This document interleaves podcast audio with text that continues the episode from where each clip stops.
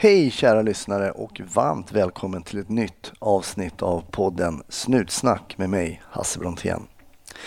Veckans gäst heter Ann och eh, henne har jag träffat uppe på Polishögskolan i Umeå. Hon är ännu inte färdig polis, men vi ska höra hennes tankar lite kring varför det blev så att hon sökte sig till polisutbildningen. Inspirerande tycker jag. Hoppas att du tycker detsamma. In och gilla Snutsnack på Facebook. Följ gärna mig på sociala medier där jag heter Hasse Brontén. På Instagram till exempel. Nu, var du än är någonstans, var försiktig där ute och ha en riktigt trevlig lyssning. 1310 1070 kom. 1310 Odengatan kom. Ja, det är uppfattat. Vi tar det. Slut. Bra. Klart slut. Jag säger varmt välkommen till Snutsnack Ann. Hur är läget? Det är bra, tack Hasse. Ja, Och, vi eh, träffades på Arlanda av en händelse för vi hade stämt möte att jag skulle ha dig som gäst i Snutsnack och eh, jag känner inte igen dig men du kände igen mig på Arlanda så vi fick en kort liten hej jag ska vara din gäst imorgon. Precis, det var ju lite lustigt faktiskt. Det var bara du och jag i säkerhetskontrollen där igår morse. Och jag log lite för mig själv och så tittade jag på dig och så kom jag ju på att, nej men gud, du känner ju inte igen mig. Så tänkte jag, hur fasen ska jag lösa det här nu då? Så vill jag inte stränga mig på. Eh, Så jag såg dig i gaten och tänkte nej men ja, det får vara så. Och sen så kom vi ju bredvid varandra när vi skulle gå på planet där. Och då kunde inte jag låta bli att störa dig faktiskt. Och det, lite. var, det var verkligen helt okej. Eh, för var var vi på väg någonstans? Jo, men vi var ju på väg från Arlanda då, då upp till Umeå, eller Ume som man säger här uppe. Precis. För här i Umeå har de ju en polisutbildning Ja, och den eh, polisutbildningen går du just nu. precis. Och vad som är unikt med dig Ann, och det kunde jag väl konstatera eh, när vi sågs, jag visste ju det här redan innan, men du är ju inte den klassiska eh, polisstudenten därför du är ju, man ska inte prata om damers ålder, men du är ju jämnårig med mig. Mm, precis. Nästa år fyller du 50 år. Jajamensan, jag tänkte ta förhoppningsvis polisexamen och fylla 50. Det här är ju en jätteintressant eh, historia. Jag vet inte om jag har hört talas om någon som tar polisexamen när hon eller han är 50. Eh, berätta, vad har du gjort eh, i ditt liv som har fört dig fram till att söka eh, till polisutbildningen? Jo, men det är nog så här, det jag kan börja med att säga, jag har ju hunnit jobba många år såklart. Jag har ju arbetat i stort sett sedan jag gick ut gymnasiet. Eller jag var ute och reste jorden runt ett år när jag var 18 år. Var är du uppvuxen någonstans? Jag är uppvuxen, jag är född i Stockholm, jag är uppvuxen i Eskilstuna faktiskt. Okej. Så jag gick hela min skolperiod i Eskilstuna. Sen stack jag jorden runt själv ett år. Det var det bästa jag gjort faktiskt. Det var ett fantastiskt lärorikt år. Eh, kom tillbaka, då var jag 20 år och eh, då började jag jobba på Systembolaget i- på Brommaplan i Stockholm. Eh, och där var det mycket att göra. på den tiden stod man ju liksom bakom disk. Så att jag blev väl tjenis där med samtliga A-lagare, höll jag på att säga, och, ja, knarkare och allt möjligt folk, underbara människor, eh, alla möjliga typer av folk. Så. Eh, och då var jag, jag var ung, men eh, fick ju väldigt mycket skinn på näsan faktiskt av att stå där. Det var ganska tufft att neka folk och, och sådär. Och där såg jag ju också samhällets, alltså verkligen baksidan. Eh, verkligen så. Alla människor, mer eller mindre, går ju faktiskt till Systembolaget. Ehm, men jag är du väldigt bra. extremt bra på att se om folk har fyllt 20 år eller inte? Nej, jag är verkligen inte det. Jag frågade väl lägg ibland på någon som kanske var 28 år och sådär. Eh, det är ganska svårt att bedöma ålder. Mm, det det. Men jag kan ju tillägga bara lite snabbt att Systembolaget har ju som policy att om man, är, om man tror att en person kanske är under 25 så ska du fråga. För att ha den liksom lite säkerheten där. Va? Men de flesta tog det väldigt bra. Ja. Så. Men det var ganska tungt jobb. Man bar ju på flaskor. Man sprang ju och hämtade liksom flaskor och levererade disken. Så att jag fick lite problem med ena skuldran där en period och kände att jag kanske inte ska vara kvar resten av mitt liv på Systembolaget. och då började jag jobba på, på den tiden hette det Citymail, alltså postens konkurrent som startade upp då. det, Precis. Citymail. Jag är faktiskt med och har grundat Citymail. Vi var 100 anställda från början. Okej. Så jag förde för hand sprang vi runt och gjorde fastighetsböcker inne i hela Stockholm city och skrev upp liksom alla trappuppgångar och portar. Vi började så. Oj. Sen hade man fem brev per dag ungefär som man sprang och delade ut. Eh, ja, det var galet. Men jag kände redan efter ett år där, nej men det här kan jag inte fortsätta med. Jag kan inte vara brevbärare. Det var ganska tufft så här, i november och cykla omkring. Så då bara, men jag vill jobba på Arlanda. Och det har jag haft som en liten dröm ända sedan jag var liten, att jobba på Arlanda. Och jag bodde ju på den här tiden i Märsta. Varför det? Kom det från det här året du var ute? Alltså du kände, får känna Ja, av världen på något sätt? Jag tror det, faktiskt. Jag gillar ju fart och fläkt, som sagt. Så jag sökte till Arlanda och kom in där och började jobba i incheckningen. Som incheckningsagent och sen sedermera, som det hette på den tiden, leadagent. Alltså man står och bordar planen och ropar upp dags att gå ombord. och så. Just det, precis. Jätteroligt. Det var roligt. Ja, det var väldigt roligt. Jag trivdes jättebra på Fick du köra det där last call också? Ja, absolut. inte kom till ja, planet. det var jättespännande. Jag hade mycket, det var någon man som åkte ner faktiskt på bagagebandet en gång också. Va? Ja, i incheckningen. Så ha- på terminal 2, där hade vi liksom korta band som gick direkt ner till bagaget, lastningen. Och han tappade biljetten där bredvid, alltså bredvid min disk. Så la han upp biljetten och då åkte ju den liksom ner. Så här, och då skulle han sträcka sig efter den och sen så ser jag bara förbi mig hur han åker ner. Eh, ja, det var ju bara att försöka hålla och fortsätta checka in. Det var på den tiden det var rökning på flyget också. Det var fantastiskt. Det var ju kalabalik. Folk grät, nästan slogs Oj. när man talade om för folk att du får sitta längst bak bland rökarna. Så det var ju också så här, jobba med människor, alltså från Systembolaget, Arlanda, hej och hå, fart och fläkt. Jag jobbade på Arlanda i sju år och lärde mig jätte, jättemycket. Men sen kände jag väl också det här att nej, det här känns lite meningslöst. Det ger inte mig så mycket att stå och tjafsa med passagerare om varför de inte får sitta på vänster sida om gången istället för den högra sidan om gången. Ja. Så jag blev lite så här när jag kom hem, jag mådde inget bra. Just det. Det kändes tomt. Det var så här, hur ska jag orka stå här och vara trevlig liksom? Men är inte de värsta, är inte det de som sätter sig längst ut? När det inte, du vet, det är, så här, det är Mm. no, inga, no seating liksom, man får välja. Då sätter sig folk, Alla vill sitta vid gången. varför? Jag vill Jag sitta vet inne vid Jag med. fönstret. Jag vill också sitta vid fönstret. Och det kan bli väldigt avgörande också om man då hamnar på vänster sida eller höger sida. Alltså de Okej. skriver telex för att de satt två timmar ner till Zürich. Två timmars eh, flight för att jag hamnar på fel sida av gången. Det, så, det upprör folk. Men just att man också satt på höger eller vänster sida, var det viktigt? Ja, det var väldigt viktigt. Eller om det var snöstorm i Zürich så fick jag en utskällning i incheckningen på Arlanda. Ja, men det är befogat. Ja, men det gjorde att jag började känna vad håller jag på med. Mm. Du kommer ju absolut inte få sådana konstiga utskällningar sen när du är klar som polis. Gud nej, det är klart jag inte kommer få. Okej, så då var du lite klar med det där Ja, va? jag var klar med Arlanda faktiskt. Ehm, då tänkte jag så här, men skolan, det blir ju jättebra. Jag vill ju jobba med människor. Ja. har bara jobbat med människor. Så jag så här, går in och börjar jobba i skolan och liksom obehörig, hamnar på särskolan. Från Arlanda till att springa barfota med barn med diagnoser och tävla. Alltså det var galen liksom, resa jag gjorde där. Arlanda är ändå ganska glamoröst. Det är, liksom, ja, men det är ju ändå på det sättet. Hamnade i skolans värld på särskolan, men det var fantastiskt. Alltså jag kom hem varje dag och kände, gud vad jag har gjort skillnad för de här barnen. Mm, kul. Och började jobba sen, så blev jag, började jobba på en annan skola, en högstadieskola. Och då jobbade jag på samundervisningen som det hette på den tiden. Och då var det ju de tuffa, stora, starka, balla grabbarna.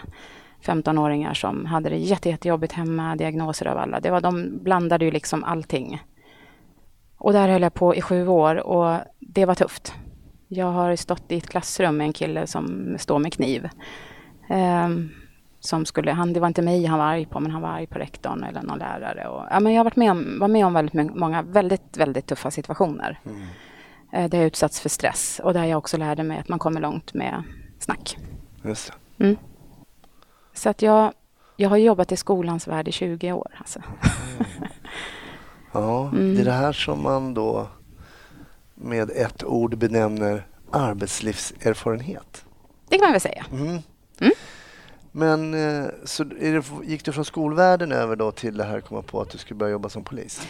Ja, ehm, precis. Jag, ehm, jag, jag har försökt fundera lite på vad fasen var det som gjorde att jag ville bli polis egentligen. Men då kom jag på en liten sak när jag var med några elever för många år sedan, kanske åtta år sedan. Då fick jag för mig att vi skulle göra ett besök på mm, Polismuseet inne i Stockholm. Ja. Så Det var en bra idé. Det var jättebra idé och jag tar med mig eleverna dit och jag bara kom ihåg hur jag gick i det där rummet. Där man skulle liksom få kolla caset och försöka lösa något mord. Det. Och jag blev så himla tagen av det där. Jag bara, men gud vad spännande. Jag vill bli polis. Jag kommer ihåg att jag tänkte på det. Då. Så ungarna tyckte också att det var roligt, men jag var nog den som tyckte att det var mest roligt Okej, vara där. Så, så Polismuseet? Ja, eh, det var nog lite där det väcktes tanken faktiskt. Ganska sent i livet. Alltså det här är ändå inte så himla många år sedan. Kanske åtta år sedan. Något sånt där. Polismuseet skulle vara också en intressant avsnitt kanske Ja. av den här podden. Verkligen. Får jag Kan jag rekommendera Ja. Polismuseet. Det är jättekul. Ja. Okej, så då tändes det en liten gnista där? Ja, men det gjorde nog det. Och sen så bara försvann ju den gnistan Okej. ganska fort. Att Mm. nej, men det där, nej, det kommer inte jag liksom klara av. Men då tänkte jag så här, men idrottslärare, Mm. det skulle ju vara kul. Så jag sökte in till eh, Idrottshögskolan, alltså universitet slash GIH då inne i Stockholm. Mm. Eh, för jag kände att jag måste utbilda mig. Alltså jag kan inte bara gå omkring här obehörig liksom, resurslärare och hålla på. Nej, jag vill liksom göra någonting. Så då var jag också ganska, jag var ju typ 42 tror jag då. Någonstans där, när jag sökte in till GIH. Så jag hann göra en resa där också. Jag var där ett år faktiskt. Ja, Sen kom ju livet liksom emellan. okej. Mm. Jag var ensamstående med två tonåringar. Och så student på GIH och så jobba varje helg. Det blev lite tufft. Det blev tufft. Ja. Mm. Kom ihåg någon gång när jag inte kom ihåg vart jag skulle köra av motorvägen. Eh, då kände jag att det här är nog inte så bra. Ja, okej. Det var mycket att tänka på då. Ja, jag var väldigt, ja, det var väldigt fysiskt också att gå där och det var mycket att tänka på och jag hade ju väldigt jobbigt faktiskt i mitt eh, privata liv. Då, då. Okej, Mm. allt påverkar. Allt påverkar, så att med sorg i hjärtat tog jag beslutet att jag måste vara mamma. Alltså mina barn är viktigare än att jag ska försöka göra någon slags karriär eller bevisa att jag har en utbildning eller vad jag nu höll på med. Att nej, barnen går före. Um, så jag hoppade av. Och det var jättejobbigt för mig mentalt så. Eh, jag började jobba i skolan igen, på en annan skola. Um, och trivdes jättebra. Så det, det, efter ett halvår så hade jag liksom landat i det och accepterat att okej, det är så här det får vara. Mm. Ja, och sen så harvade jag på där i sju år. Tills jag kände att, men alltså nej, måste, ju- jag måste ju göra någonting. Jag har fått i ordning på mitt liv igen. Hamnat i, alltså saker och ting har liksom ramlat på plats. Barnen har blivit vuxna, klarar sig själva. Mm. Så helt crazy så bara går jag någon dag och känner att ja, men jag kan inte sitta här eh, i skolan och jag kommer bli bitter. Alltså jag är ganska trött på skolan. Jag är lite färdig med föräldrar. Alltså jag kände att jag, jag vill ju vara glad och liksom, jag har så mycket kvar ändå. Det är nu eller aldrig. Det är nu eller aldrig, så jag söker. Så jag ringde till Rekryteringsmyndigheten och frågade, finns det någon övre gräns för ålder?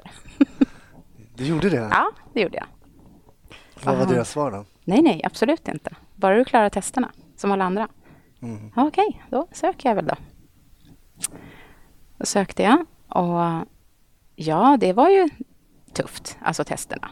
Det var inte så att jag dansade igenom dem på något vis. Jag Mm. Nej, vad var det som var jobbigast för dig på testerna? Nej, men det var den där isokajen om man ska dra. Jag är Ja, du så... får berätta för att det där vet inte jag riktigt vad det är. Nej, men det är någonting som militärerna gör också. De var väl där samtidigt och gjorde de här testerna. Mm. Du, står, du står på någon slags, ja det är väl som en våg och sen så drar du, ska du dra liksom den här skivstången. Det är som ett marklyft, fast du drar marklyftet ända upp under hakan. Just det. Och då ska vi tjejer, det här är väl enda gången som vi faktiskt får ha skillnad på tjejer och killar. Det är enda testet. Tjejkillarna ska dra fem på polisutbildningen och tjejerna tre, tror jag var. Okej, tre Någon gånger slags, så att säga. Nej, utan en trea på någon nivå. Ja, då. det är en skala Ja, en som man- skala, Mm, precis. förstår. precis. Och sen så mäts det igenom, man står ju på den här vågen själv. Och så ska man väl dra den här i förhållande då till sin vikt. Då. Ja, Jag vet jag inte hur det där går till. förstår. Ja, Om jag ska vara ärlig vet Nej. jag faktiskt inte. Men den var tuff. Det var jävligt tufft var det. Och då har man tre försök. Tre, Okej. sen kan du åka hem. Och jag drog, och jag drog väl första försöket så här 2,5. Det var så löjligt. Jag bara, men herregud, det här går ju inte. Men det var ju pannben. Så Ja, jag satte den på tredje. Jag bad henne hämta en jävligt elak instruktör. Jaha. Och han kom in och han skrek på mig. Den skrek upp Han skrek på mig så att jag skärpte till mig helt enkelt. Okej. Så då drog jag väl en 3,2 eller något sånt där. Ja, det räckte ju. Ja. Sen var jag väldigt orolig för min hörsel och det här. Jag tänkte herregud, nu kommer väl åldern här. Jag inte hör. Men jag hade hörsel som en 18-åring så det var ju inga problem där. Och ingen demens? Ingen demens heller. Nej, tack och lov så testade de inte det. så att jag gick ju liksom igenom det där. Det var faktiskt helt okej. Ja. Ja. Hur kändes det då bara att liksom klara de där äh, fysiska testerna? Jo, men det är klart att man, de är ju inte liksom övermäktiga, alltså Nej. verkligen inte. Men man ska ha normal, alltså Mm, det är inte vem som helst som kanske sätter, för cyklingen var ju inte superlätt heller. Jag fick ta i, alltså det ska jag ju erkänna. Men pannben återigen, Mm. jag kliver inte av den här cykeln förrän det är klart. Så. Så mycket pannben och jävlar anamma, eh, men det är absolut inte omöjligt. Hade du tränat? Visste du vad som skulle komma lite grann? Eller? Ja, jag visste ju att det var cykling, Mm. men jag hade inte cyklat en enda gång faktiskt. Jag gillar Nähä. inte att cykla. Det var ju en eh, medioker förberedelse. Ja, det var ju inte så bra. Jag fick ju lida för det också när jag satt på cykeln. Just det. Så var det. Det var ju vart är papperskorgen för jag kommer kräkas. Jag började kolla efter den när jag satt på Okej. cykeln. Men eh, pannben. Jag ska, jag ska klara det här. Mm. Så.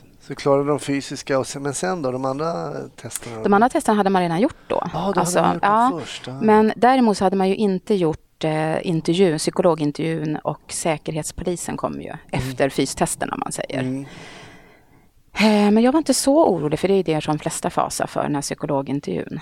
Eh, Men det Mm. Varför kändes tror, bra. att man, varför tror du att man fasar för den här psykologintervjun? Alltså jag tror att man känner, och jag ska försöka vara någon man kanske inte är. Eh, ja, nervös inför olika frågor. Men jag gick ju in med inställningen att jag är den jag är. Jag kan inte vara någon annan. Om inte det duger så ska inte jag bli polis. Ja, just det. Alltså krasst. Mm. Det låter ju väldigt sunt att tänka så, men Mm. jag tror att som du säger att det kan vara svårt att landa i den Mm.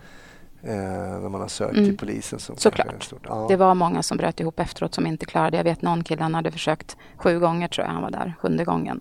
Okej. Jag tror han satte den nu sista gången, jag hoppas det. Jag vet inte, jag har ingen, vet vem han är så, men jag kommer ihåg att han var väldigt tagen så och haft det jobbigt. Det, det var ju tufft för många, psykologintervjun då. Men jag tror man ska bara liksom gå in där och svara på frågorna, vara sig själv. Ja, men precis. Det tror jag också. Det, det var väl också en fråga som man som lärare på polis, som jag som lärare ofta fick så här, hur ska jag bemöta människor? Hur ska jag bemöta folk som har tagit heroin? Hur ska jag bemöta folk som har tagit amfetamin? Och svaret är ju samma som du säger. Du ska bara vara dig själv och du ska vara lika trevlig som du är mot dina bästa vänner. Ja, Sen om situationen ändras på grund av deras beteende, då är du också Mm. beredd att snäppa upp dig. Mm. Men det är som med barn, de, de märker ju också när en vuxen försöker förställa sig, försöker vara någon Mm. annan, lär sig Mm. vara dig själv. Så kommer de.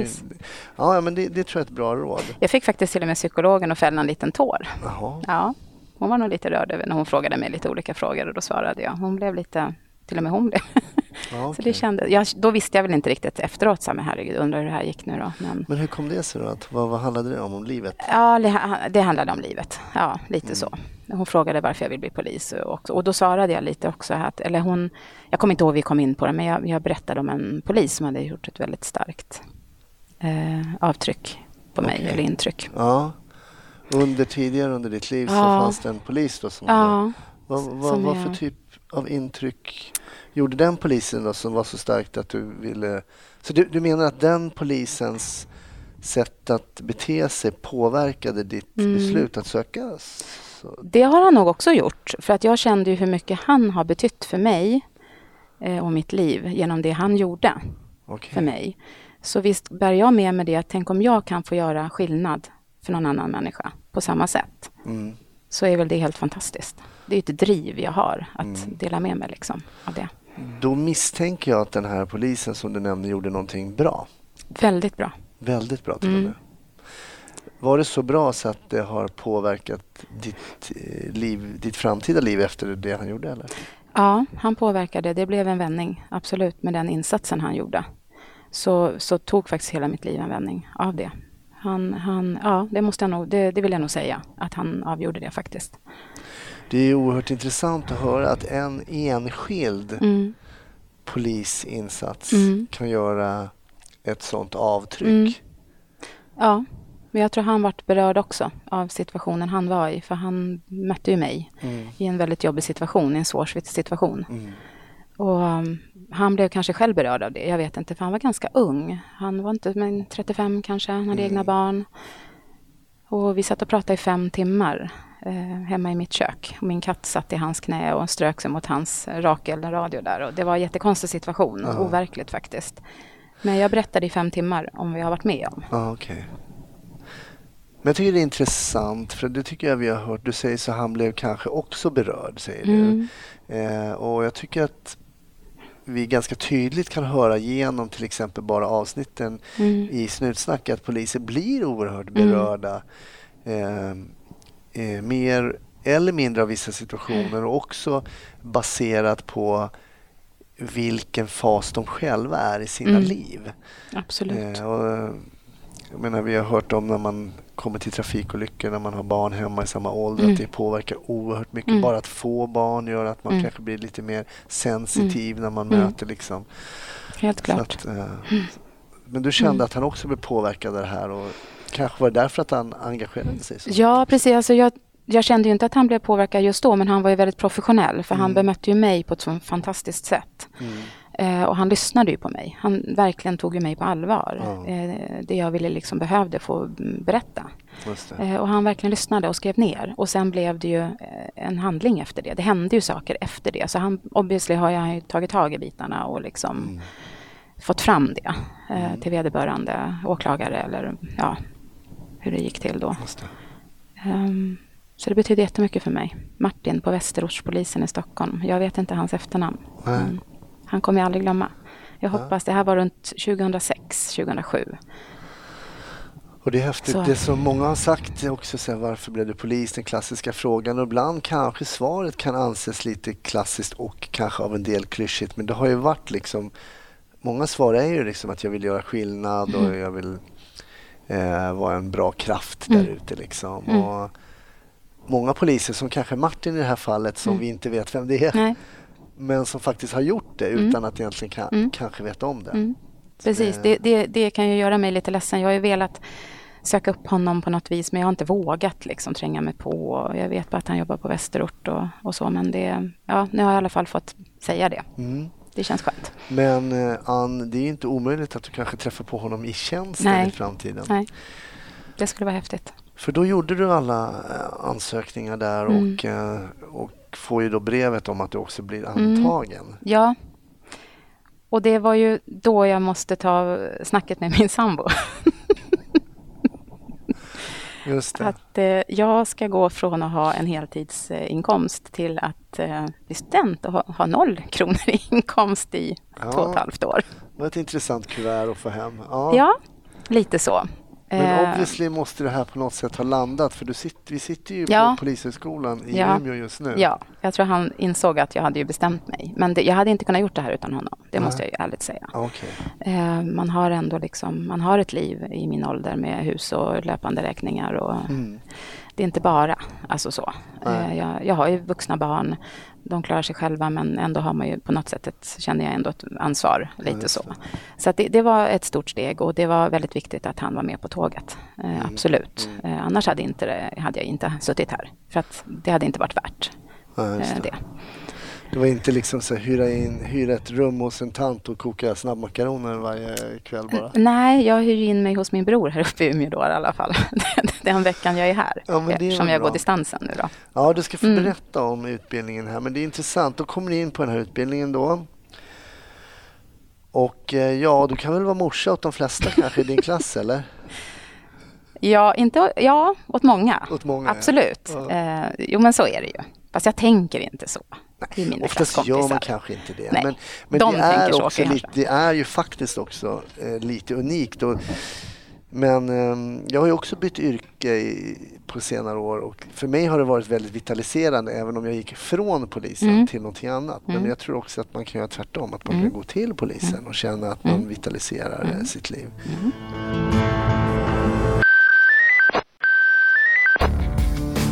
Berätta om utbildningen och komma in och... Ja, alltså nu går jag då den här eh, distansutbildningen som finns uppe i Umeå. Den finns väl även i Växjö och sen tror jag att den finns på ett ställe till nu. Den fanns i alla fall förut i Stockholm. Om den gör det nu vet Nej, jag den inte. finns inte i Stockholm. Nej, då, då, Men jag tror att det är Borås. Nu ska inte jag säga så jag säger fel. Men Växjö och Umeå vet Mm. jag att det finns distansutbildning. Eh, Och det var lite förutsättningen för mig. För jag kände jag kan inte flytta upp till Umeå och gå på campus när jag är som jag i min ålder. Det kändes lite, nej, Okej. det tror jag inte. Känns så bra kanske. Så att distansen var ju fantastiskt bra alternativ. Mm. Och det som är då det är att vi åker ju upp, eh, man sitter hemma och pluggar. Man kopplar upp sig, det är heltidsstudier. Ehm, Det är åtta timmar om dagen man bör sitta. Så, du får ju ha disciplin. Sen är- gör ju vi väldigt, väldigt mycket över nätet. Så att vi träffas i basgrupperna, sitter över nätet och jobbar. Vi har seminarier. Alltså vi gör ju allt över nätet så när vi är hemma. Och sen åker vi upp var fjärde vecka till Umeå eh, här då. Och då tar ju vi igen allt det här fysiska och allt det praktiska gör ju vi nästan, det de campus gör kanske på en månad gör ju vi på en vecka. Mhm. Ja, du nämnde här på parkeringen för mig att du har varit ute i skogen hela dagen och typ varit upp till tre mil. Ja, jag gjorde orienteringen tre gånger idag faktiskt. Varför tre gånger? För att jag inte hann in på den första och andra gången i rätt tid. Aha. Så att, ehm, ja, men jag satte den den tredje gången i alla fall. Men det är prövningar, det ska jag ärligt säga. Mm. Ehm, jag brukar tänka så här, men alltså först tänkte jag alltid att det var svårt att komma in på polisutbildningen. Men nu har jag ju börjat förstå att man ska ta sig ut också. Just det. Och det ska man ha respekt för, att det är tufft. För jag tänker som tufft, det jag skulle... Eh, nu är jag två år äldre än dig, men det jag skulle tycka var tufft är just pluggandet och disciplinen, Ja. att sätta mig i skolbänken. Hur har det fungerat för dig? Det är ju det som har varit faktiskt det värsta. För att jag känner att jag har en inlärningstakt. Allt skulle behöva gå in i mitt huvud ungefär fyra gånger. Och här ser jag ju de som är yngre, fräschare i huvudet. De bara snappar ju allting. Allting går fort i datan när de gör. Alltså, de, alltså, folk skulle dö om de såg hur jag höll på hemma när jag sitter med liksom, har, böcker. har du mobiltelefon och sådär? Ja, men jag har mobiltelefon, riktigt så illa är det inte. Men du vet, jag sitter med mina böcker, Hasse. Jag håller på och fipplar och det tar ju sån tid. Mm. Eh, Jag hittar inte kommandona i datan ibland när jag ska skriva. Alltså jag är faktiskt riktigt värdelös. Det har varit jätte, jättejobbigt. Och sen Okej. inlärningen, alltså jag tar ju inte in på samma sätt längre och det är jättefrustrerande. Mm. Um, all, alltså, allting som vi ska göra så kan jag bara känna, men kan du bara säga det där tre gånger till så kommer även jag förstå. Men det törs jag inte säga. Utan, alltså det, det är tufft. Mm. Den delen är jättejobbig faktiskt. Men hur, jag tänker på hur är liksom surret i klassen då? Känner, är, det liksom, en, är ni alla en i gänget även om man är äldre eller yngre? Eller? Ja, men alltså klassen är ju, jag säger det, alltså de är helt fantastiska. Vilka människor och hur de stöttar mig oftast så. jag är väl inte den här som dansar igenom den här utbildningen, Okej. som många gör. Okej. som har det väldigt lätt för sig. Men så är det ju för mig. Jag får kämpa på liksom. Ehm, De är helt fantastiska, de är underbara. De är bäst. Mm. Så, så att det, det är ju, och, och lärarna är också. Alltså, det ska jag också faktiskt passa på att säga. Fantastisk utbildning. Så organiserat, det funkar i datorn, allt funkar när vi är här uppe i Umeå. Det är jättetufft med logistiken. Vi flänger och far och hej och hå. Och vi har lektioner från 8 till 5. Ibland har jag haft från 6 på morgonen till 7 på kvällen. Alltså det har varit jättetuffa så, men de får ihop det. Eh, Det är väldigt proffsigt, man kommer inte upp hit och så är det massa dödtid. Mm. Så jag är väldigt ödmjuk till både lärare och klasskompisar. Kul att höra. Mm. Vad, vad, vad är det för ämnen du har bankat in senast här nu då? Vad är det ni läser just nu? För just, Jag tänker på teoretiska ja, ämnen. då. narkotikastrafflagen håller Ja. vi på med nu. Mm. Spännande så. Spännande. Ja. Sen i morgon eh, sticker vi klockan sju i morgon bitti till Åmsele faktiskt. Okej. Sen kör vi bil då i tre dagar. Ah, Ja, Det det, blir kul. kul. Ja, ja. Det blir, och det är då jag känner det här att jag kan ju få dåligt samvete att en kvinna i min ålder, jag ska ju, borde ju vara som alla andra, vara på mitt jobb och göra det jag ska. Och, och så får jag vara här och ha så jävla roligt.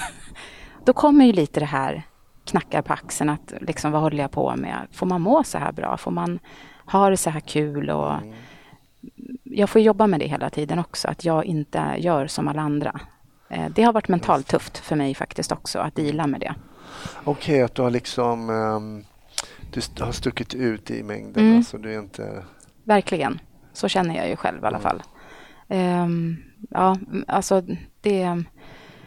det har jag fått jobba med. Och jag tänkte väl när jag började utbildningen att ja, men jag är ju så gammal, jag, har ju liksom, jag vet ju vad jag har mig själv och jag är ju klar med min, mm. med min utveckling. Det var jag ju inte. Det finns en fråga tycker jag som um, vi människor kanske borde ställa oftare till oss själva som en ganska enkel fråga men som vi aldrig ställer därför jag tror att vi ibland är rädda för svaret och det är egentligen bara två ord och det är ju frågan trivs jag? Mm. Och den frågan kan man ju ställa till sig själv när det kommer till privatliv eller till mm. yrkesval eller någonting. Och svarar man nej, då borde man kanske göra någonting mm. åt det. Det är precis det jag gjorde. Och det är precis det du sa, du trivdes inte där på lära. Sen hade du eh, privatlivet måste ju mm. funka såklart, mm. men när det, då mm. valde du att göra och nu känns det som att du trivs just nu. Det är klart att jag trivs. Ja. Alltså jag, det här är ju fantastiskt. Och Alltså jag, när jag gjorde min, vi har ju, får ju göra en sån här SAO-vecka som det kallas. Just det, och det är någon typ av yrkespraktik? Lite så här, typ liksom. prao. Alltså du får ju ja. besöka, en, du är en vecka på en, dit du hör då, polis. Jag tillhör ju eh, Uppsala mm. då. Blivit placerad där. Det är där jag ska göra min aspirant också. Och när går du ut på aspiranten? Eh, 15 april. Ja. Mm. Och innan du berättar om SAO då så tänkte jag bara, men när man går ut då på den här äh, praktiken då, hur länge är den? Den är ju bara en, en vecka. Nej, det är saon som är Ja, saon är bara en Jag tänkte förlåt på när du Aspiranten. kommer ut. Aspiranten. Den är sex månader. Den är sex mm. månader, ja. Och efter den? Ja, då går man in tillbaka på skolan i två månader. Två månader? Mm, och gör väl någon slags slutarbete och går igenom det man har varit med om och så. Och sen tar man examen. Sen tar man mm. examen. Ja, jag har haft lite svårt att få in exakt hur det funkar. Mm. Um, men så är det nu ja. Mm. Och sen är så är det, det funkar på distansen också mm. som ju funkar lite mm. annorlunda. Än. Det gör det nog säkert ja. ja. Kan jag tänka mig. Men om vi går tillbaks till den här veckan då, SAO, där man får gå ut och känna lite på pulsen mm. kan man väl göra lite på, på en polisstation? Och... Ja men gud, jag var ju med och åkte varje dag. Ja, det var det? Ja, ja, det var ju fantastiskt. Och var, där var det lite så här innan, det gjorde jag i januari som var nu.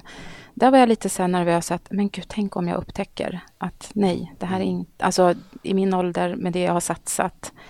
jag fick ju lite så här, jag hade lite, det var lite avgörande för mig. Mm. Um, kommer det här liksom kännas bra nu? Ja. Och jag hakade på, jag fick ett schema som jag, jag skrattade, jag bara tänkte, är det här de försöker liksom göra sig av med? Ja, de skulle testa dig? Ja, de skulle testa mig. På alla trycket? Ja, och det lyckades de ju inte göra. Så. Nej. Jag, det var väldigt tuffa dagar, men det var ju så roligt så det var inte sant. Alltså, jag ville inte åka hem. Nej. Jag sa att ja, men jag kan jobba i natt, jag kan stanna. Det var en jätterolig känsla, för det är det som jag får energi av, att orka ta mig igenom liksom, mm. utbildningen. Så jag fick åka med olika patruller eh, varje dag då. Jag var ändå ute fem dagar och herregud vad det hände grejer. Mm. Hela tiden. Uppsala, det är en Just ganska det. stor stad. Ja, det är en ganska stor stad. Ja. ja. Okej, okay, men då, den dödade inte alls polisnerven utan tvärtom? Nej, tvärtom. Då kände jag det här blir bra. Det här är min grej. Så, verkligen. Men jag tänker ändå, jag har en, en vän och före detta granne som gjorde ungefär samma resa som dig men hon var civilekonom och i, på äldre dagar, 45 års ålder någonting, så kom hon på att hon ville bli veterinär. Mm. Och kom in på veterinärlinjen och eh, var ute och gjorde praktik. Så när hon var ute så var hon då ja, knappt 50 då på praktik. Då trodde ju alla att hon var handledaren. Eller den äldre, fast hon var ju då rookien och den yngre mm. var den utbildade mm. veterinären. Jag tänker att när du kanske satt efter det här mm. då, hur blev du bemött liksom Samtalade du med folk i de här olika situationerna? Ja, ja. De vände sig till mig faktiskt ibland. Ah, det blev, och det var lite intressant. Mm. För att jag, hade, jag var ute med olika kollegor då, eller mm, olika patruller. Men det var ju, de flesta var ju såklart, eller alla var ju yngre.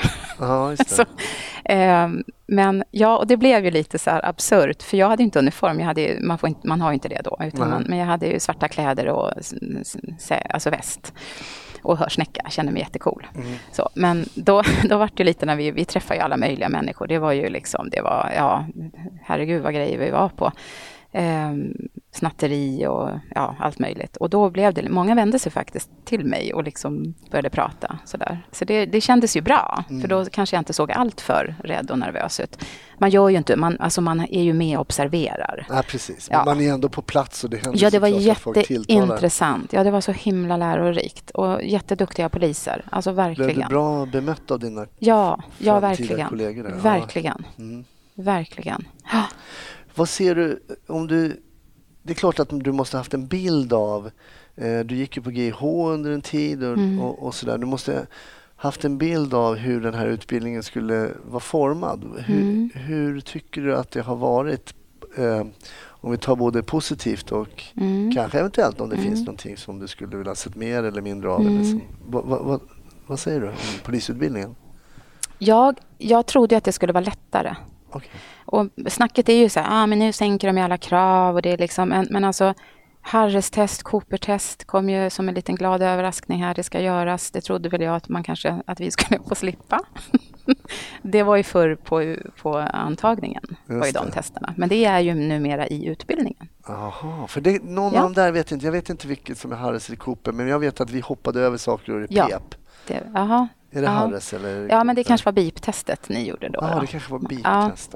Ja, Cooper är mer att springa två kilometer. Och, Jaha okej. mm. Mm. och Harris är hoppa över de här 80 centimeter Jo, just det, men- och under- ja, under- under, ja. ja, det det, gjorde vi förra gången vi var uppe här. Just det. Där ja. sov vi faktiskt inte jag på två veckor på nätterna för jag låg och funderade på hur i helsike ska jag kunna hoppa 80 centimeter. Jaha. Jag är ju inte den längsta. Nej, Nej. Men eh, det gick ju bra. du kom över? Ja, tant levererar liksom. Ja, det säger ju att spänsten och ex- Ja. explosiviteten Ja. försvinner redan innan 30. Ja, men det gör den inte. Nej, det Nej. finns lite kvar där. Ja, Ja. det finns. Okej, men eh, de teoretiska ämnena och sådär, är det Mm. någonting, tycker du att du har täckt upp det som du hade Ja, förväntat dig? ja, ja, ja. Alltså, och herregud vad jag lär mig. Mm. Det är något helt galet vad mycket det är. Det är otroligt mycket. Mm. Mastigt. Ibland känner jag att min hårddisk, alltså det går inte, jag tar inte in mer. Apropå, det är ju det jag känner också kanske med min ålder då, att man, man liksom blir trött. Alltså jag, jag, jag tar inte in hur mycket som helst. Och då kan jag bli lite irriterad och ledsen och känna hur ska jag orka det här. Jag hamnar ju ofta i svackor, det ska jag ju ärligt erkänna. Mm. Att, hur ska jag fixa det här? Men det är bara liksom kravla sig upp igen. Mm. Ehm, och ja, komma igen. Men jag tänker alltså, nu har jag raljerat lite över din ålder här och det är ju inte med mening. Jo, lite eftersom jag är i samma ålder så då tycker jag att det, går, det funkar. Men det måste ju också finnas fördelar med att ehm, ja, vara något äldre Mm. och komma ut som polis. Jag menar, du berättade att det hände saker privat i livet. Det har hänt, eh, du har barn.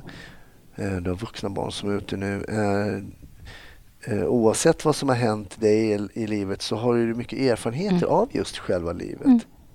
Det, Det måste det. väl vara till gagn när man kommer Ja men ut? absolut och det är väl det som gör att jag känner att jag är ju inte den största starkaste polisen men jag har ju liksom, jag kan ju prata. Mm. Och jag hoppas ju, det här har ju du tagit upp många gånger i, i din podd, eh, apropå Davids underbara berättelse som jag aldrig kommer glömma. Det här med att det är ju bra att kunna ta folk och snacka. Mm. Eh, sen måste man ju kunna göra det andra också. Precis. Men jag, jag vill nog tro att jag kommer komma långt med det. Mm. Det, det tror jag. Ja, absolut. Och jag är inte rädd för människor. Jag dömer inte människor. Ja, Jag är inte rädd för att gå in i situationer. Eh, Jag har ju varit med om mycket i skolvärlden också. Föräldrar som har slagits eh, Mm. liksom i kapprummet. Och jag var ju där och styrde och ställde upp det. Liksom. Ja, det. Nej, precis. Bråk och tvister och sånt där. Mm. Kanske till och med handgemäng i skolmiljön är ju inte helt ovanligt idag. Nej, gud och nej. inte har varit tidigare heller. Nej, jag har ju haft jättemycket sånt i skolvärlden. Mm. Det, alltså, det är ju helt galet vad som händer mycket där. Och jag tänker på till exempel som vi kunde höra i förra avsnittet av eh, Snutsnack när Per berättade att det kan vara skillnad att komma till exempel till våld i nära relation om man är 22-23 som polis eller kanske som 35-40. Mm. Eh, arbetslivserfarenhet inom polisyrket men också egna erfarenheter och så vidare. Men vad är nackdelen då? Är det, det bara de här fysiska grejerna att du är rädd för att hoppa över häckar och, och att det blir får flåsa ett extra varv i, i Ja, skog? ja, men precis. Alltså, jag får ju kämpa på som sagt. Jag, jag brukar säga det, men jag gör ju allting två gånger. Jag gör den här utbildningen två gånger. Verkligen. Jag ser till att utnyttja liksom alla tillfällen och sådär. Eh, det gäller ju verkligen att, att liksom ha humöret uppe och liksom ändå vara glad och tacksam för att jag faktiskt får göra det här och har en kropp som ändå fixar det. Men jag kan inte komma på några nackdelar här, så jag kan inte göra det. Alltså det är så fantastiskt. Och jag önskar att folk som kanske har passerat 40 och går som jag och funderar på att gud vad tråkigt att åka till jobbet på måndag morgon. Alltså sök, våga. Nej, alltså Ann, du eh, gjuter ju hopp här till människor som eh, vill söka sig nytt och kanske inte är så att eh, alla som lyssnar på den här podden vill ju söka sig till Polishögskolan men vill man göra det ska man absolut göra det. Men att kanske byta riktning någon gång i livet kan ge en, eh, eh, en ny kick. Liksom. Det, gör, det har ju verkligen gjort det. Jag är ju jätteglad för det här och känner mig, jag har ju ändå många år kvar att jobba faktiskt. Så att eh, jag hade ju nog väldigt alltså, ångrat mig om jag inte hade hoppat på det här tåget. Jag tror aldrig jag kommer ångra det här. Nej. Nej. Men vad har du för målbild då? För då berättar du att du kommer ut och då är det um, aspiranten då i april och sen så ett halvår och sen är två månader på skolan. Så förhoppningsvis nästa år vid den här tiden då är du eh, polisassistent. Ja, alltså vi tar väl examen december Alltså, nästa december? år. Ja, så Ja, drygt ett år. Ja, ja, vi, vi är ju tillbaka in på skolan den här tiden nästa det, år. Och jag har gjort aspiranten då förhoppningsvis. Ja, precis. Ja, ja, men man måste ju ha den målbilden. Absolut. Så, Ja, så är det ju. självklart. Ja, verkligen. Men vad vill du göra sen då? Ja, men jag vill ju vara ute, för det ska man ju vara i början. Det finns väl inte så mycket alternativ så. Men det är ju det också, jag har ju ingen prestige, alltså att jag måste liksom avancera eller göra karriär. Utan jag kommer nog vara väldigt nöjd eh, och bara vara ute och åka. Alltså jag älskar ju att vara ute och möta människor. Så jag Tappar gör man, ju det. Tappar man prestigetänket med åren? Eller? Ja, men det tror jag. Eh, Jag vet inte, men jag har i alla fall gjort det så. För Mm. jag tycker ju att det här är tillräcklig prestige för mig. Så, eh, så att jag, eh, nej men jag, jag vill ju bara ut och jobba. Alltså som ingripande polis. Mm. Det är ju det jag tänker. Jag, tänker, jag, jag har varit inne på hundförare. Vi har ju en, en fantastisk härlig chef här hemma. Eh, han gjorde och för sig då så att jag bröt två fingrar här förra terminen. Okej. Ja. Eh, det har ju också varit tufft. Att skjuta pistol med två brutna fingrar. Aj och sådär. Ja. Men, men chefen har ju gjort också att jag eh, håller igång. Ehm, och, eh, så hundförare har jag varit lite så här, men nu börjar jag inse att det är nog jäkligt tufft. Mm. Ja, jag, jag, jag vet, det går inte att säga vad jag vill bli. Det får vi se. Det är så långt kvar, tänker jag. Jag gillar att höra eh, att man bara vill åka ut och, Mm. och köra blåljus och, och slita och dra och hjälpa till. Eh, och det är ju en jätterolig tid. Sen får man väl kanske gå därifrån och Mm. Ja. se om man eh, snappar upp någon intressant tjänst någonstans eller någonting. Så, Precis. och se hur det blir. Mm. Ja, det roligaste då? Vad är det roligaste här nu på skolan just nu? Nu är du ju här uppe och för jag kan tänka att, nu ska inte jag lägga orden i mun på dig, men eh, att komma upp och träffa de studiekompisarna som man bara kanske träffar över datorn måste väl ändå vara lite roligt? Mm. Jo men det är jätteroligt, det är klart att det är. Och det ger ju, alltså det som jag brukar säga till dem, att de ger ju mig sån enorm energi. Jag samlar verkligen kraft och energi av att få umgås. Och det är ju fantastiskt att hänga med yngre människor.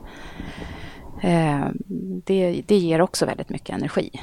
Eh, så att jag, jag, jag är väldigt trött när jag åker hem efter den här veckan, men jag är också liksom, känner mig väldigt nöjd. Nej, men vi har ju, alltså, vi gör ju mycket, ja, men du vet ju själv, man håller på med de här casen och man övar i lägenheter och, och, och det blir ju mycket skratt. Men det är mycket fokus ändå, det är väldigt mycket fokus. Men, men alltså, de är så otroligt seriösa, mina klasskompisar. Ja, bra. Ja, vi hörde, det var något avsnitt här så pratade jag med jag om det var med Alex. Jag ska inte säga vem det var för jag glömmer bort det. Men då sa han att han tyckte att just utbildning kring kommunikation, det kanske var Armas. Jag, jag säger inte vem det var. Eh, Så som att det kanske de inte hade på skolan när de gick. Vad tycker du det här med just att eh, kommunikationsbiten, har ni? Jo, men den är med. Den är med. Eh, inte så mycket, Nej, men den finns absolut. Mm. Och lite det här med likability och det, hur, hur vi liksom, hur man står och hur man är, hur Just man det. beter sig. Så det, det finns med och jag tror att det kommer väl lite mer Mm. ehm, just det tänket. Exakt. Det, det, det tror jag. Mm. Men det skytte känns- och sånt där då? Jag Mm. tänker, hur var det då? Har du... Men skytte håller vi på med och som sagt skyttet har inte varit den, den lättaste. Nej. Du, ha- hade du skjutit någonting innan? Nej, eller? aldrig ens hållit i en pistol. Inte luftpistol? Nej, inget- nej, jag förstod inte hur jag skulle stoppa i patronerna. Alltså så, just nej, i magasinet. Så det var ju från noll kan jag säga. Okej. Ehm, och skyttet är kämpigt för mig. Okej. Eh, jag hoppas ju att jag kommer att sätta det. Mm. Det är väldigt roligt, jättekul så. Ehm, men ehm, det är tufft. Ja, Jag är vad, är det som är tufft? vad är det som är tufft med Ja, men det, det, det är väl lika där, drag från hölster, det är liksom tant, det är lite segt. Det, Okej. Motoriken, vet du, det går inte så fort. Nej. Tavlan går, den Den går försvinner fort. Den vänder och sen är den borta ja, och då, Då har du precis fått upp ja, ungefär så. Nej, Fast men det är det, det är motor, eh, nöt- motoriskt. Jag måste nöta. Nöta, Ja, nöta, ja, ja, ja. Och mera fokus och skärpa till mig. Jag hade ju lite tufft där med mina brutna fingrar. Jag fick inte den bästa starten. Nej, det låter Det var, som alltså jag kunde typ inte, start. jag kunde inte trycka av faktiskt med pekfingret, avtrycka. Nej, men det förstår jag. Så att det, jag ska inte skylla på det, men det var, det var väldigt jobbigt. Det var ingen bra start för mig. Men Så. du kan eh, plocka isär och plocka ihop en Sauer nu. Ja, jag känner mig jäkligt cool faktiskt när jag gör magasinbyten. Ja, i det får man bara droppa den. eh, Droppa Ja, du vet. Så ramlar den ner och så bara tar du upp ett och så trycker du upp ett nytt. Ja. Och så gör du mantelrörelse fram och så i sikte in i mål. Alltså, Ja. Jag har sett några livvakter eh, göra magasinsbyten där Mm. man knappt ser att Mm. de gör ett Mm. Magasinsbyte. jag är inte riktigt där. Nej, men det var inte jag heller ska jag säga i ärlighetens namn. Men eh, det är också Ja. nötning, nötning, Ja, nötning. Liksom. Det är ju det. Så att, Mm. Ja, men okej, så lite, du får kämpa på här. Ja, Eh, men du gör ju det med, med energi tycker jag. Så att det kommer nog gå jätte, jättebra. ja. Ja, när man pluggar på, på Polishögskolan så här, pratar ni mycket om eh, polisfilmer? Vem som har sett flest polisfilmer eller? Nej, verkligen ingenting faktiskt. Är det så? Nej, det har vi inte. Vilka jag fördomar jag har. Ja, precis. Nej, vi har inte pratat om den en enda gång. Men Nej. jag tog väl upp, men det var ju en gäst här som snodde den från mig. Alltså, Asså. jag pratade väl om Kops här Ah. eh, till mina klasskompisar, några stycken där. Och vi skrattade lite så åt deras. Så den är ju en jättehärlig film. Ja, den är en Mm. rolig film. Ja. Där man har så lite jobb så att man eh, skapar de jobben själv så att säga. Ja. För att få upp statistiken. Lite så. Inte att rekommendera när man börjar jobba sen. Men sen vet jag inte om någon har nämnt, jag har ju tänkt lite grann på Snabba Cash. Aha. Alltså jag gillar ju den. Just det är kanske inte är någon regelrätt polis, eh, men det handlar ju ändå om den här undre världen. Fast det Absolut. handlar om undre världen i överklassvärlden lite så. Mm, just det. Så den med Joel Kinnaman, Kinnaman. precis. Ettan där, det Ja. tyckte jag var väldigt, väldigt bra. Just det. Ja, Mm. det är ingen som har nämnt. Det är ett, eh, bra, ett bra förslag. Mm. Svensk film också. Mm. Har, du, eh, har du fortfarande eller har du fått de här som många poliser nämner att nu när du har läst polislagen hur det går till att du liksom säger men det här, det här kan inte stämma. Jag sitter ju och vill känna den känslan Ja, när jag tittar på Beck. Men Ja. jag, har inte, jag har inte kommit dit än. Nej, du har inte gjort Nej, det? jag tycker fortfarande att det är bra och sådär. Nej, så att jag, jag, jag känner väl att ehm, nej, jag är för rookie. För att liksom, Ah. lite kanske. Jag Du får gillar passa ju på svenska då och kolla polisfilmer. igenom ja, alla Beck precis. och- Jag ska göra det. Får vi du se om får några år att jag börjar sluta titta. Nej, jag, jag, jag, jag tycker det är kul att mm, titta på dem också. Ja. Men Snabba Cash, den kan jag rekommendera. Den Ja. gillar jag. Ja, vad kul. Ja, men det, får, det tycker jag är ett, eh, ett bra, en bra avrundning här. Vi går mot slutet på, på avsnittet och Snabba Cash får bli Anns rekommendation. Mm. Ann, det har ju varit jättespännande att eh, få höra eh, din vinkel på att gå på Polishögskolan eh, året innan du fyller 50. Mm. Och vi satt här innan och, och eh, kollade. Vi tror inte att det är någon som är äldre än dig just nu. Inte uppe i Umeå. Nej, Nej. det tror jag inte. Sen kan det ju finnas någon i Stockholm som, jag, jag vet, det har jag ingen aning om. Men jag, det är inte någon, jag tror knappast att det är någon på campus som skulle vara 50 plus. Det Nej. tror jag inte. Men du måste i alla Ehm. fall vara yngre än, än vissa lärare. Ja, en vissa. jo, men det är jag. Men in, det är väl ungefär hälften. alltså ja, de är jättehärliga lärarna. Alltså, jag gillar ju dem. Egentligen tycker jag, egentligen tycker jag det är helt ointressant med ålder. eh, Ja, det är ju det. eh, Faktiskt. Men eh, jag tycker att det är coolt gjort av dig. Mm. Jag tycker att det är häftigt att ta tag i den här lilla drömmen som lätt kan bara få en vindpust och Mm. Och ni som lyssnar nu som har den här tanken kring eh, trivs jag? Ställer den frågan. Det är inte för sent. Nej. Och Ann, du är ett lysande exempel på att det inte är för sent. Och eh, ge benet nu här sista tiden. Och så vill jag ha en bild när du tar studenten. När du står där med, jag vet inte om man får stå i vit mössa när man tar nu. Får du vara i Blå hallen eller? Nej, det tror jag inte. Vi är väl här uppe i Umeå. Aha, okay. Träffas i korvmojen sen kanske efter, jag vet inte. Nej, men vi är ju här uppe. Lite extra räksallad och en ja. tunnbrödsrulle med dubbla ja. utblås. Precis. Stort tack Ann för att jag fick eh, komma hit eh, till Polishögskolan i Umeå och prata med mm. dig. Tack Hasse, det är en ära för mig. Och vet du, tack för den här fina muggen. Alltså jag har fått en sån fin kaffemugg. Snutsnacksmuggen. Ja, tack. Den ska vi nämna, den kan man faktiskt beställa på mm. brontén.com. Okay. Så den finns eh, om någon som vill ge den i julklapp mm. till farfar mm. eller någonting. Tack för en jättebra podd Hasse. Tack.